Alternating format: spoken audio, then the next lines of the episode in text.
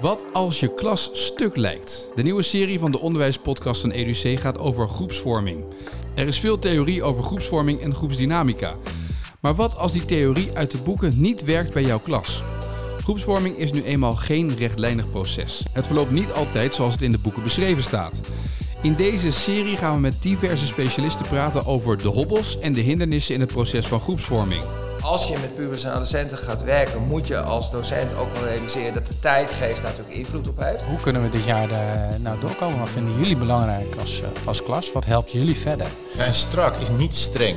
Ik denk dat dat echt een, een misvatting is. Wat, wat, goed is sowieso om, om te beseffen, is dat lesgeven je uiteindelijk niet uit een boekje doet. Dat maakt het gewoon natuurlijk een, een heel moeilijk, maar ook heel mooi vak. Maar hoe reageer jij daarop als docent? Hoe reageer je erop als team?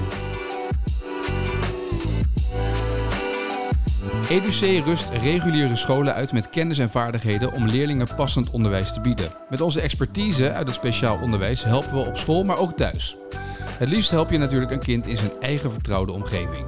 Abonneer je via jouw favoriete podcastplatform op de Onderwijspodcast en mis geen aflevering.